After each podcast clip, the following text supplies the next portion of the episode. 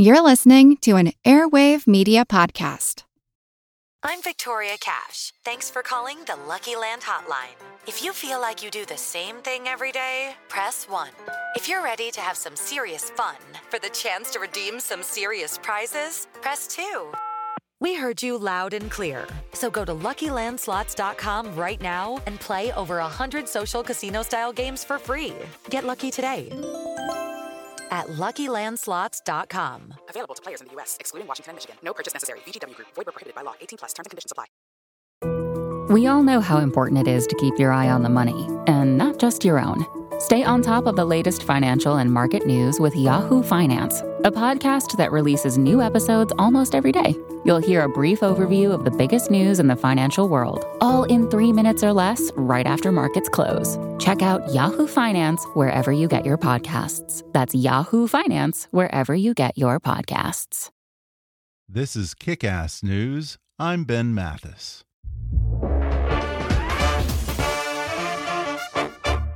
With all the stresses of life, it can be easy to lose perspective on what really matters. But Heineken believes that life is about being with friends and opening yourself to new experiences. Because when you live spontaneously and embrace the unexpected, it's a chance to create new stories and connections. You just have to open it. So enjoy a refreshingly cold, full bodied Heineken lager today with its deep golden color, light fruity aroma, mild bitter taste, and a crisp, clean finish. Cheers! And now, enjoy the podcast. Hi, I'm Ben Mathis. Welcome to Kick Ass News. Legendary Silicon Valley visionary John Chambers is widely considered one of the world's greatest business leaders.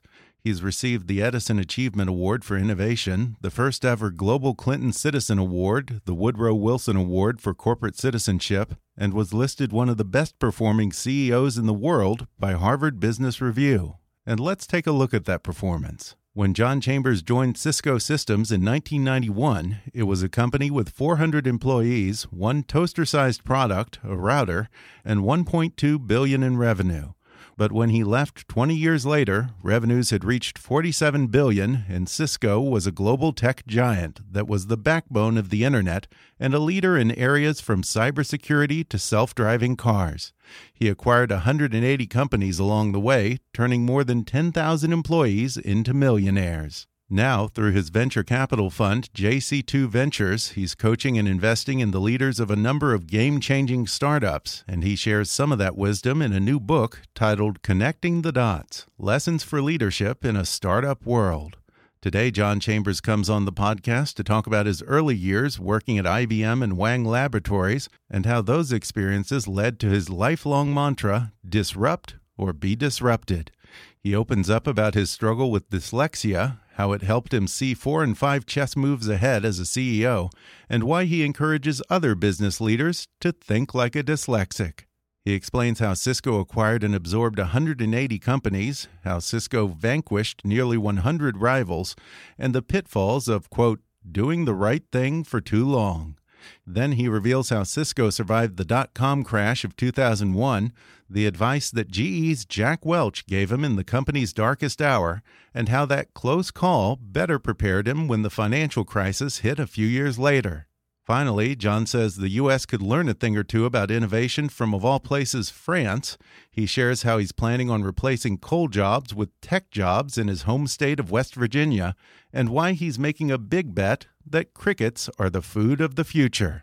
Coming up with Cisco's John Chambers in just a moment.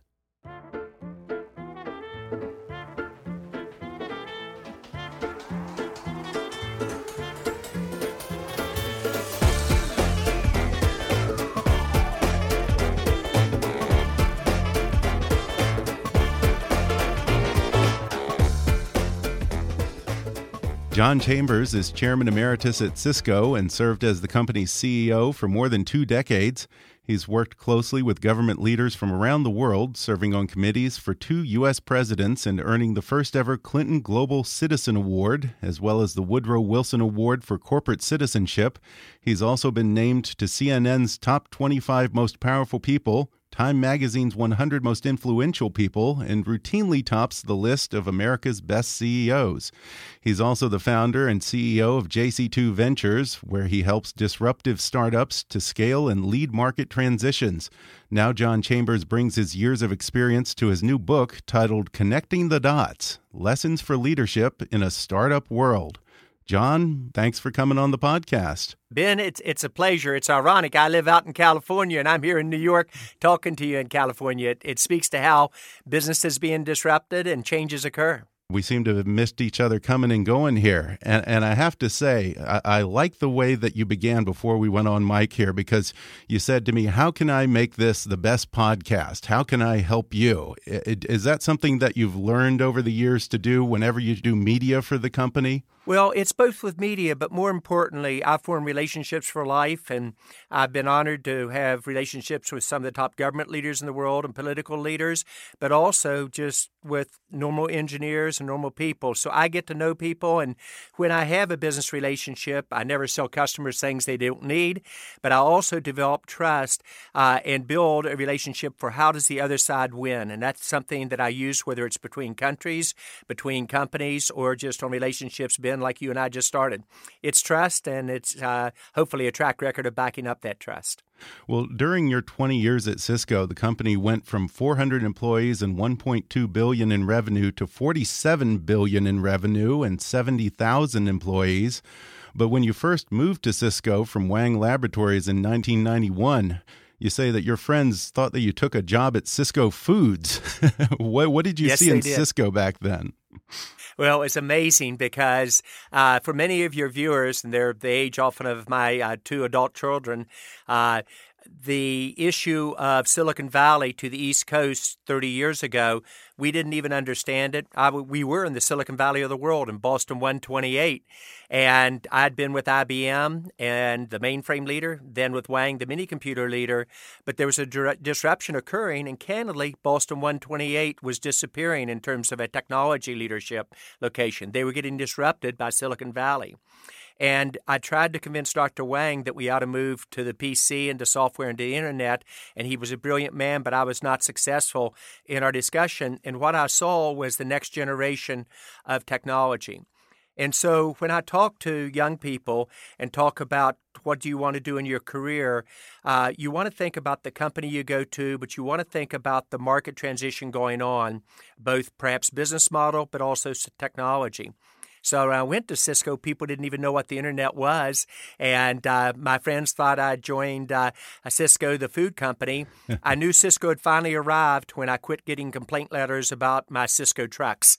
Uh, and uh, when we started off, as you said, 70 million in sales. And by the mid 90s, we were on a real roll and very fortunate to be a part of that.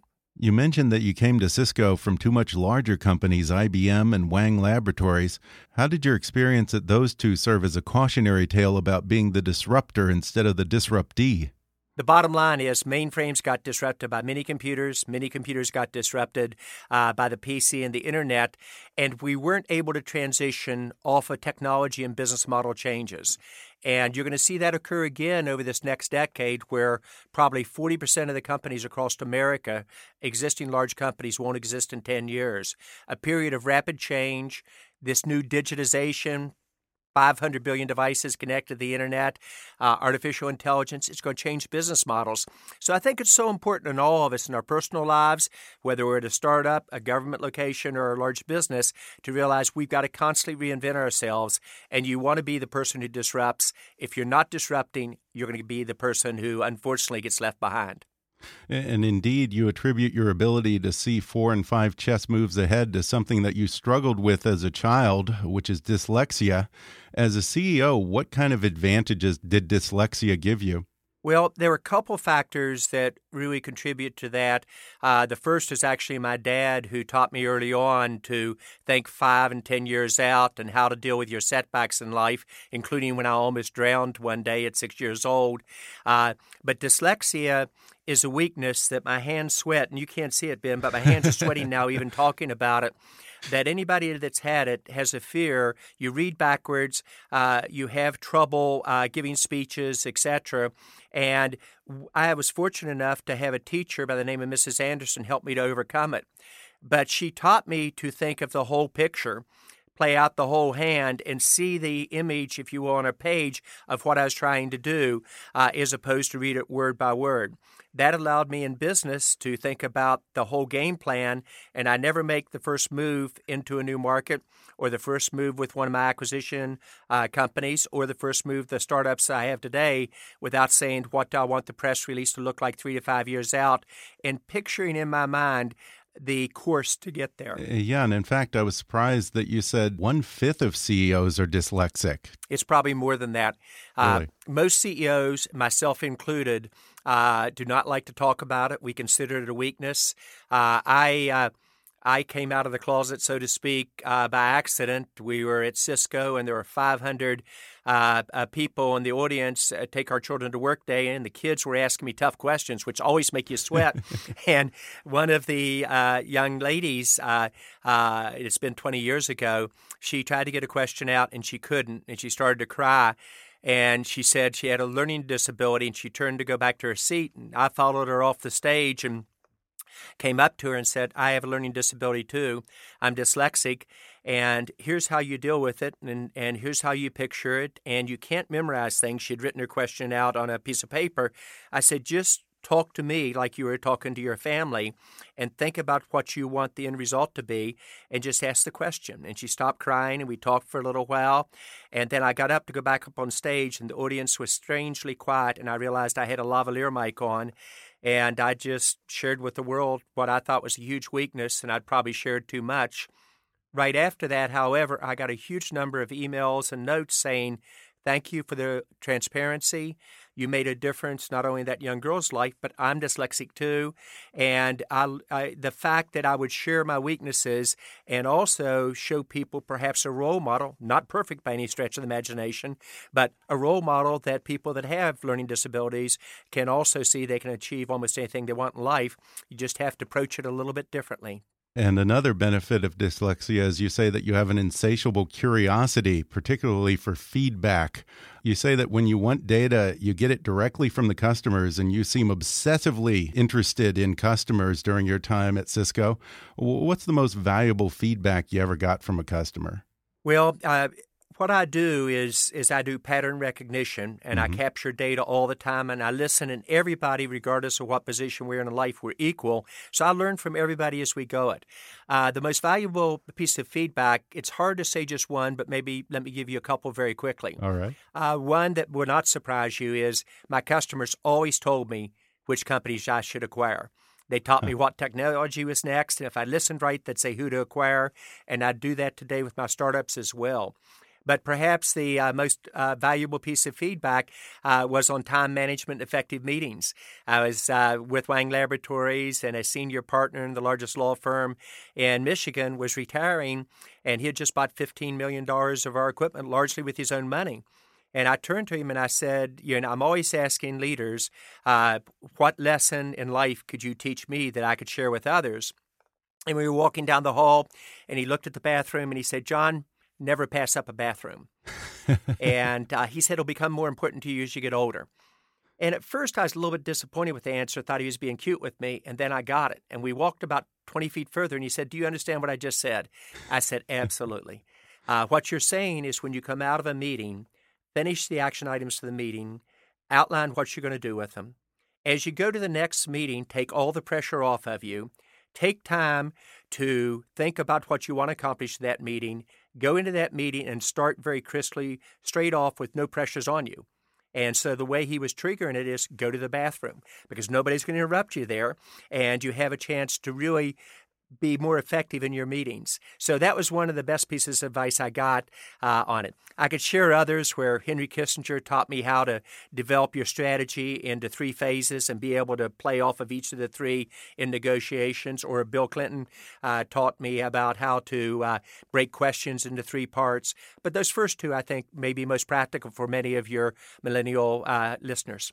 And I think that you said that actually your customers led you to the Crescendo deal in 1993. Is that right? It is. It was amazing. We were a router company, and uh, uh, I'd said that Cisco was going to be synonymous with the internet, and we're going to change the way the world works, lives, learns, and plays. What I didn't realize is without switching and other products, we wouldn't have been able to achieve that uh, that opportunity and I was at Ford Motor Company, and uh, this is why you always listen to customers and others. And at the session, one of the customers said, John, we're going to buy your routers, but there's this new technology in switching, not traditional, but it's called fast Ethernet. And I didn't know what it was. And I said, Can you explain it to me? And he did. And two weeks later, I was at Boeing. And at Boeing, they said, John, we're going to continue to buy part of your products, but we think there's this new technology in switching that might be of interest to you. And I said, I know. It's uh, fast Ethernet. And uh, they were kind of shocked that I knew. And I said, Can I have my routing order now? And they said, No, you got to go buy Crescendo. And uh, we bought a company for uh, 10 million in revenue uh, for about 92 million dollars, and the stock went down because they thought most at that time most all technology acquisitions fail, and yet it turned out to be what is today a 13 billion dollar revenue stream for us per year at Cisco. So, if you listen carefully to your customers, if you truly partner for life with them, if you never sell them things that they do not need, and you develop that trust, they will help steer your company through the good times and the bad. And in today's world, I would argue, whether it's an individual or a company, uh, your currency is very simple it's trust, track record, and relationships. And I believe in building all three for life. I'm not perfect, but I think most people would say one of my strengths is I built huge relationships with people at all different levels all around the world.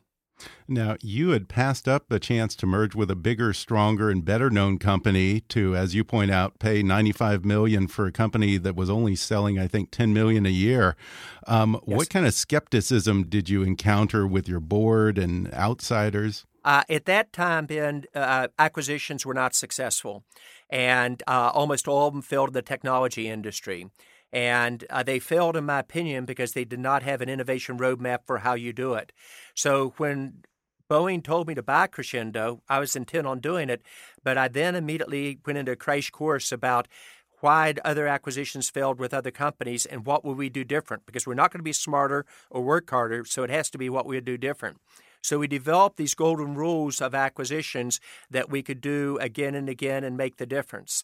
So I went into the board expecting the board to resist the acquisition concept, and they didn't. They they got that routing and switching together if we combined the two, we could blow away from all of our peers. And we had really good competitors that, candidly, in hindsight, I wouldn't have admitted it at the time, had as good of products.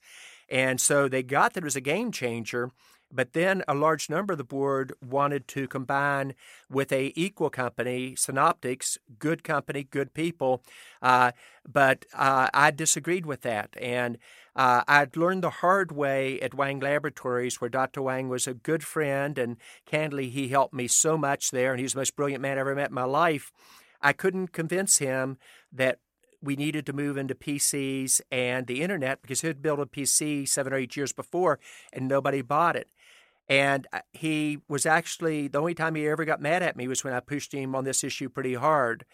Uh, at IBM, I was not in a position to really say the company, I was further down, needed to change from its traditional products to next generation products and make them easy to use. But I'd seen the movie. I'd seen the movie on now Route 128, and I saw the early movie on West Virginia being a great state and good people, but falling from grace economically because we didn't get market transitions right. So this time I was willing to bet my job on it. And even though they said, well, once you combined, you'll be CEO of these two companies shortly, uh, I felt it was the wrong move for our company. And I, I pushed uh, and literally bet my job uh, that we needed to do the smaller acquisition. And if you hadn't acquired Crescendo, Cisco might not have become the leading network and internet company. But those of your listeners who might wonder, uh, was that the right decision and couldn't it have equally has gone the other way? After that acquisition was done with uh, uh, Crescendo, uh, Synoptics actually combined with my other tough competitor, Wellfleet, a merger of them among equals. And for the first year, they did fine, and then they crashed and burned. And so these rules of market transitions and then getting a replicatable playbook is something I believe in, much like a sports team. And if you can get the best players who also have the right culture to play as a team, you build a team that's almost unbeatable. And that's now what I'm also trying to do with the startups. And I talk about a lot of these issues and connecting the dots and lessons that I've learned, both successes, but then also my mistakes. I think you learn more from your mistakes than you do your successes. In fact, I think you oversaw what, 180 acquisitions while you were at Cisco? That is correct. Uh, about 12 of them for over a billion dollars. Wow. We're going to take a quick break, and then I'll be back with more with John Chambers when we come back in just a moment.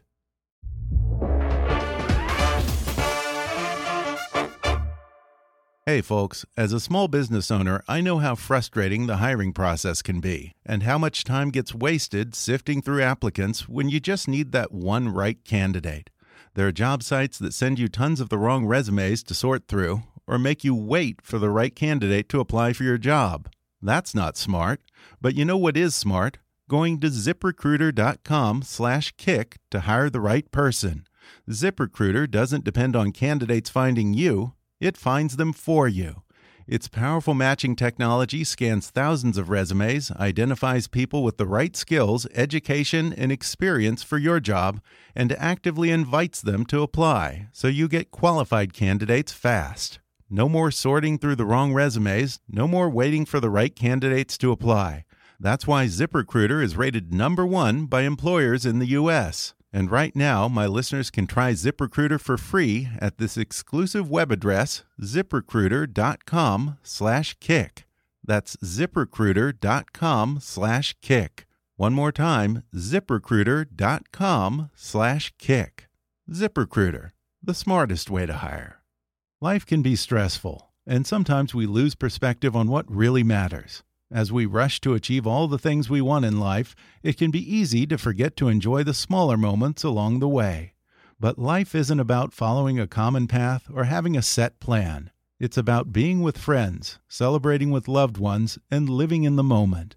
Heineken believes that you create the richest memories when you embrace the unexpected and open yourself to new experiences.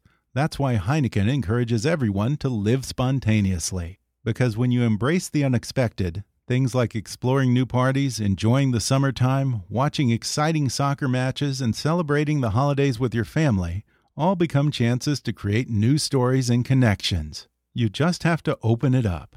So enjoy a refreshingly cold, full bodied Heineken lager today with its deep golden color, light fruity aroma, mild bitter taste, and a crisp, clean finish. Cheers! And now, back to the podcast. And in your 20 years at the company, you say that you encountered more than 100 Cisco killers. How come most of them are long gone or out of that game and Cisco is still standing? Well, I think part of it is luck, but luck is also has to do with how well prepared you are mm -hmm. and when opportunity uh, meets, are you prepared to move on it? But if I would say the number one thing that that our competitors didn't do. I'd like to say we just beat them, but that wouldn't be uh, as accurate. I think we were a very good and very tough competitor who competed fairly, uh, but they kept doing the right thing too long. The mm-hmm. competitors stayed with a single product, switching or single product routing too long. Uh, the competitors failed to get the market transition of everything going to the internet. They were selling technical products rather than the outcomes of how the internet will change business, how you enter orders, uh, how you interface to your customers, uh, how you uh, do your supply chain. So we were always looking for the next market transition. And Ben, we never focused on a competitor. Competitor is like a way of keeping score. So how will you prepare as a sports team and how well you run your plays? And then you adjust the game slightly depending on which competitor you're dealing with at a point in time and that's that replicable playbook, which I might have called bureaucracy uh, when I was a young leader at 30 years old. By the time I was 40, I really got how powerful it could be, and it's what I do across the board. Same thing in picking the companies that I want to both mentor and strategic partner with and invest in today, I develop a playbook in terms of what do I look for in terms of the company's market transition, the CEOs, their customers, and then run that playbook remarkably fast. Yeah, I'm interested in that concept because at first blush, uh, the idea of what you call a replicable innovation playbook might seem like something that would hold a company back from being able to be nimble and pivot and change and meet market trends. Um, how are you able to have kind of this, uh, I don't want to call it cookie cutter, but this system in place, but still be able to shift as the market shifts? Well, the first thing is you have to realize why most companies fail and what you're going to do it differently. And most of them failed because they did not have that type of playbook. The second is you have to convince your company and build the inner DNA to move fast with a playbook, not slower. And let me give you an idea how fast fast can be. I could get a call on a Thursday night from the NASDAQ, a good friend there, uh, who uh, said, Hey, it's public knowledge that two of your competitors are in looking at this company in Silicon Valley, and they're very close to closing a multi billion dollar deal with this. John, you're an idiot. Uh, this fits perfectly into your strategy, and you need to move and go get this. And I was a little bit embarrassed, and I said, Al, uh, I don't know what that company does. And he said, Trust me, you need to do it. I called up my head of business development. I asked him to go over to that company the next morning. Uh, he met with the CEO there for an hour. He called me and said, John, you got to get over here. I went over. I loved the CEO. I loved his vision. I trusted him. Uh, he was very transparent that companies were looking at moving very rapidly with him. And I asked him how was he going to win in this acquisition? What did he want? And then I shared with him why I thought becoming part of Cisco is the best thing to do. We had a handshake at lunch for a $3 billion plus acquisition. We had it through both board of directors by Monday morning. We announced it to the employees, and our competitors didn't even know we were in the account. So that allows you to move with speed. It allows you, like a professional football team, to know where everybody's going to be, and you can run the plays and a hurry up offense. And it's it's something that I think regardless of the organization you're in, getting that innovation playbook on how you do everything from acquisitions to how you do culture to how you recruit people to how you save people when they start to leave your company, it has tremendous power. To how you do corporate social responsibility and give back, the same type of playbooks. Now, John, I want to ask you about your near death experience in 2001 when the dot com bubble burst. As someone who's interested very much in feedback, looking back, were there ways that the company could have been better prepared for that? Yes, there were. And so let me answer your direct and indirect question. I had over a decade uh, at Cisco, and it, the CEO has to own it. You've got a great team around you, and boy, I had great leaders around me, and many of them, and most all of them are still very good friends today. But in the end, the CEO owns responsibility for the vision and strategy and the tough decisions. For a decade, we had grown between 60 and 80 percent, averaged about 65 percent, doubling our headcount every 18 months. Headcount was going up on 50,000 people at this time. And we got on top by having a clear vision and with the appropriate awareness of the challenges and then when we got our playbooks running, we ran the plays faster than our competitors. Our competitors kept doing the right thing too long. And so if we weren't willing to invest and take risk, we would never be where we are. My mistake, however, was I was so dependent upon the data, and I'm a, a data uh, hound. I, I'm pattern recognition off the data. In the first week in December, we had 70% growth year over year. And while there was smoke in the market about there might be a problem, uh, the data didn't say so. By the middle of January, it was minus 30% growth. 25% of my customers were disappearing, going out of business, and we were in free fall. We handled that better than any of our peers. We made the changes in 51 days. I went out, however, and listened to the customers for two weeks, came back and said, We have to change as a company. A brutal lesson learned and very hard very hard to lay off people that you love in your family. And John, were there some ways that your experience in the dot com bust better prepared you for the financial crisis a few years later? You learn from the lesson. 2007, Ben, there was a problem in our market, and our financial companies in the U.S. slowed their ordering dramatically all at one time. Our quarter was great quarter was above expectations, etc. Uh, but I shared with our shareholders and others that we saw unusual slowing in the financial industry. And I felt there was something very much amiss uh, and possibly a challenge, an economic challenge coming at us. And our stock went down again, and everybody said, no, this is unique to Cisco. But that was in the summer of 2007. By mid 2008, we were in the Great Recession. And at that time, I'd prepared the company for the changes and we navigated through it. And we actually not only gained market share in 2008, we pulled away from almost all of our peers. And we went to the customers who had been so good to us during good times and we took risk with them.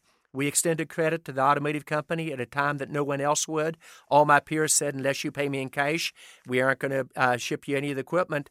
They'd been good customers for us. I knew if I extended them credit and that several billion dollars, uh, and I was wrong that I'd get second guessed pretty visibly, but it was just the right thing to do and a good risk to take. Mm-hmm. Fast forward, we navigated through 2008. We again pulled away from our competitors, and we formed relationships for life with every one of the automotive companies around the world, which they remember to today.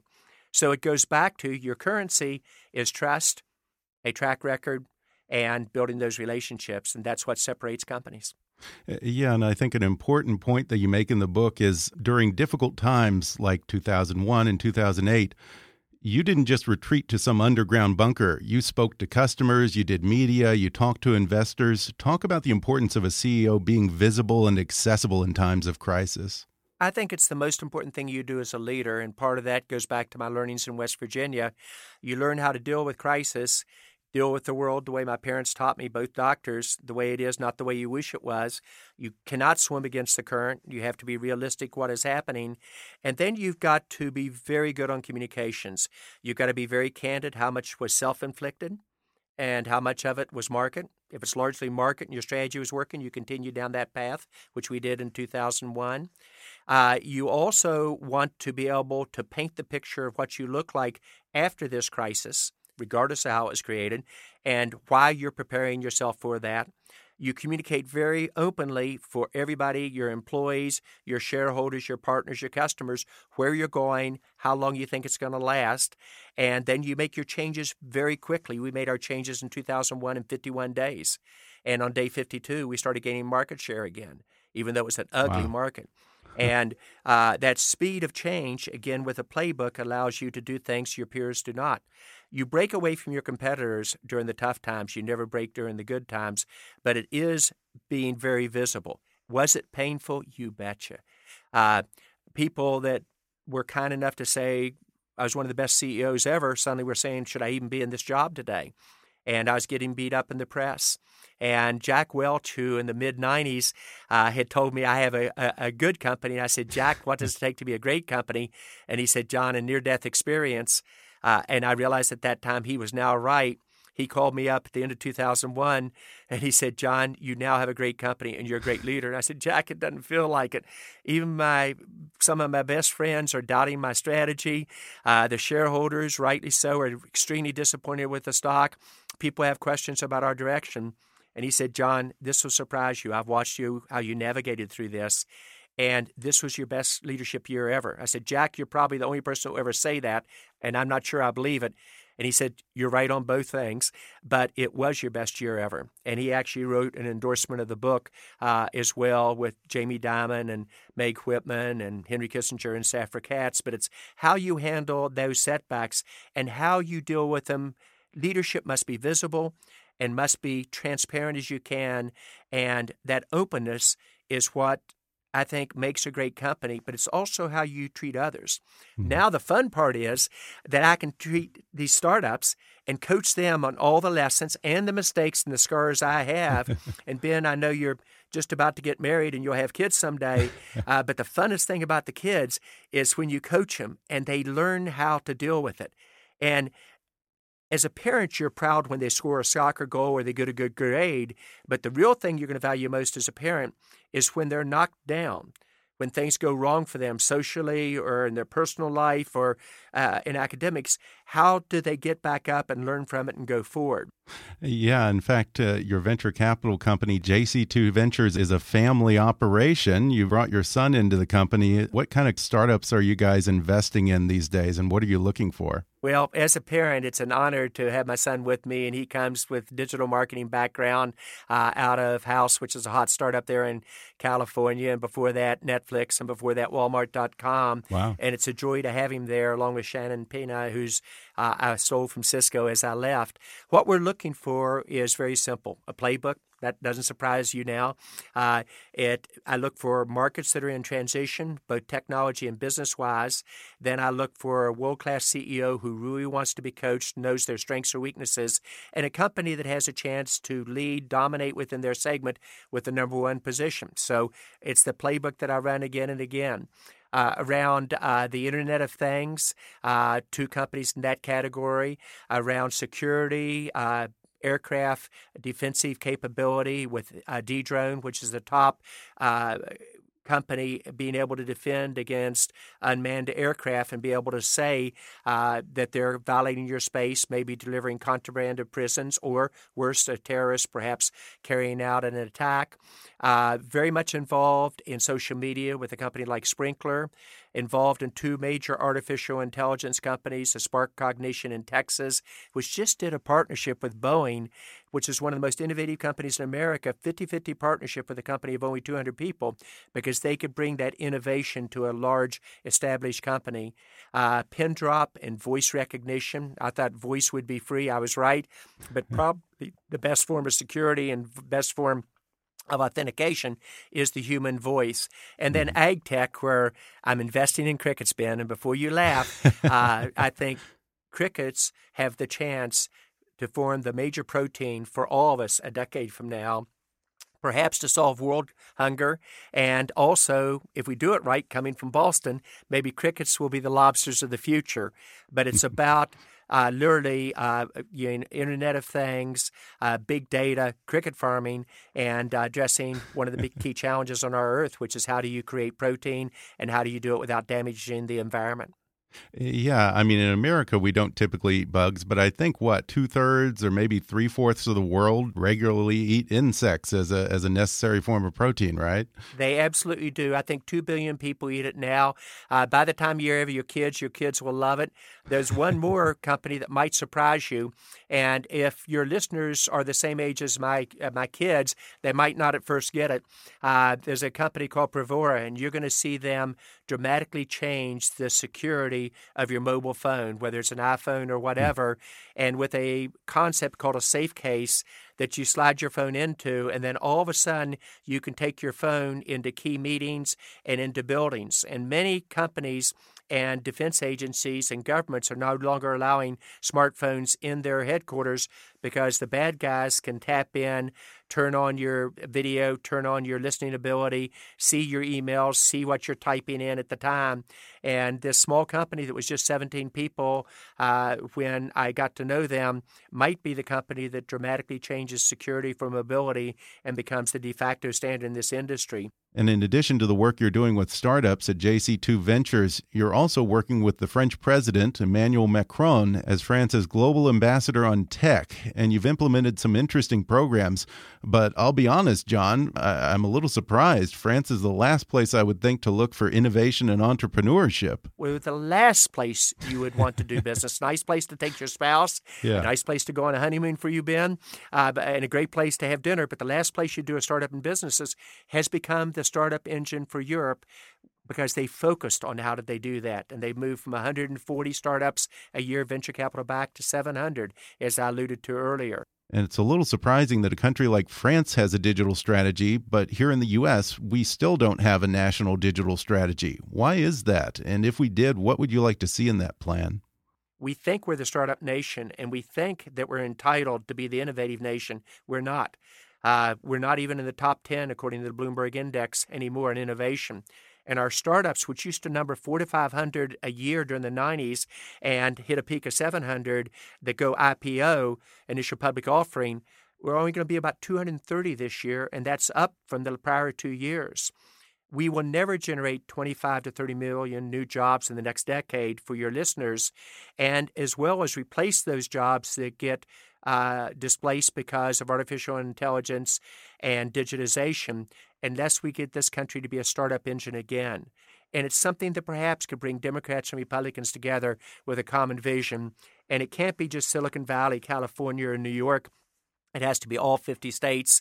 And with JC2 Ventures, I'm hoping to play a small role on how do you do this. And our startups are across all seven states, although it'd clearly be safer just to stay in California, where I know the companies, can back channel anybody, know the VCs. But once again, I'm trying to play a small role in helping to change the world. Yeah, you're working on ways to help folks in your home state of West Virginia turn that state into a new hub for tech and innovation. That certainly seems like a better long term strategy than just promising folks you're going to bring back coal jobs. Well, I think it's very important that we recognize that all Americans have a right to a good job and a better standard of living than their parents, and for their children mm -hmm. to have mm-hmm. a better standard of living than they do. We're losing that. And we're losing it because we're not creating enough startups across the heartland of America through the central and southeast part. And it does not help when companies in Silicon Valley say we're going to give you a stipend if you lose a job or criticize their political views. Uh, that's overconfidence, which does tremendous damage. And so the ability to say, even if we bring back coal jobs, it won't be the 125,000 we lost. It will largely be automation in the mines, and the chemical industry will not come back. But we could do startups there in a unique way and partnering with West Virginia University and venture capital capability to maybe maybe focus on healthcare and the opioid epidemic and to focus about how you get new generations of companies that will grow in a market that's going to grow for the future, not for the past.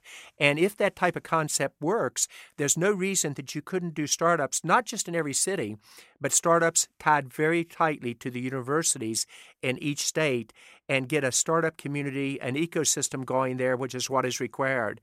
And maybe to do this on a scale that our nation needs. So I'm a risk taker. The president of West Virginia University, Gordon Gee, clearly gets it. The political leadership in West Virginia gets it, both Democrats and Republicans. And the university is willing to take a risk with their business school lead, Javier, with the medical school leads, and others. And I'm going to invest my foundation purely in terms of how do we try to make this happen and can we build a startup capital in West Virginia and take that model and have others uh, replicated across the country. Well, before we go, uh, you predict that a billion dollar company in the future might have just two or three employees and build out a core context ecosystem of strategic partners to drive their growth. For someone who is such a people person as you, John Chambers, who oversaw 70,000 employees and called all of them family, is the prospect of a peopleless company a little sad to you? Well, it's two two separate issues, Ben, and it's a great challenging question. The first is the core versus context. Core is what you do that's different than what others can be able to do and very important. Context is what others can do as part of your operation to make it run very smooth. Mm-hmm. So, in manufacturing terms at Cisco, my core con cap- capabilities were our engineering and our sales and service, and manufacturing is something that our partners can do better. In these systems of the future, you'll surround yourself with an ecosystem, and maybe even at JC2, we might be the first billion dollar company with less than 10 people, but we have an ecosystem of partners, a Ruder Finn from a PR perspective, a Pankaj Patel from an engineering perspective, a David Handler who's an advisor and a great friend from a financial perspective. And we build up an ecosystem that together perhaps can execute plays faster than others. But it's also a warning to large companies. If you don't break down the silos between your organization, if you don't focus on speed with the playbook of innovation, if you're not able to attract the best talent as they come out of school, most talent's going to a startup. So large companies should have startup partners very close. You're going to miss opportunities and perhaps miss miss the future. So once again, kind of a challenging idea. Ben, will all of them work? Of course not. Will I have additional mistakes in the future? I sure hope so. People might criticize me of dreaming too big or taking on too much. I listen to criticism, but I actually I'd argue the reverse. I wish I'd dreamed bigger and taken on more. and mm-hmm. I'm going to try to do that with the startups that I'm now coaching around the world. Well, Mr. Chambers, oh, sorry, you told me not to call you Mr. Chambers. John. That's right. Don't want to be old or formal, Ben. Okay, I've enjoyed the conversation. And real quickly, there's one quote that I love in the book. You say, The most important message you have for every leader, freshly minted or long tenured, is this I'll start it and you finish it. You're not as good as people think you are when things go well, and you're not as bad as people think you are when they go the other way. Good but advice. you learn more from your setbacks and your mistakes than you ever will from your successes. Very good advice. Well, John Chambers, it's been a pleasure. Again, your book is called Connecting the Dots Lessons for Leadership in a Startup World. John, thanks so much for talking with me. Ben, I enjoyed it. You made a lot of fun. I'll send you an autograph version, and I look forward to your listeners uh, giving us feedback, what they like or don't like about it. Thanks so much. It was a pleasure, Ben. Thanks again to John Chambers for coming on the podcast. Get his book, Connecting the Dots Lessons for Leadership in a Startup World, on Amazon, Audible, or wherever books are sold. You deserve a better email marketing platform. And unlike other email providers, Emma puts its customers first. It's powerful email marketing with a personal touch. Their award winning team is always ready to support you on your email marketing strategy, design, list migration, and more, so you'll have everything you need to do your best email marketing yet. Request a customized demo of Emma's email marketing platform today at myemma.com. Again, that's myemma.com. If you haven't already, be sure to subscribe to Kickass News on iTunes and leave us a review. You can follow us on Facebook or on Twitter at, at KickassNewsPod. And as always, I welcome your comments, questions, and ideas at comments at kickassnews.com. I'm Ben Mathis, and thanks for listening to Kickass News.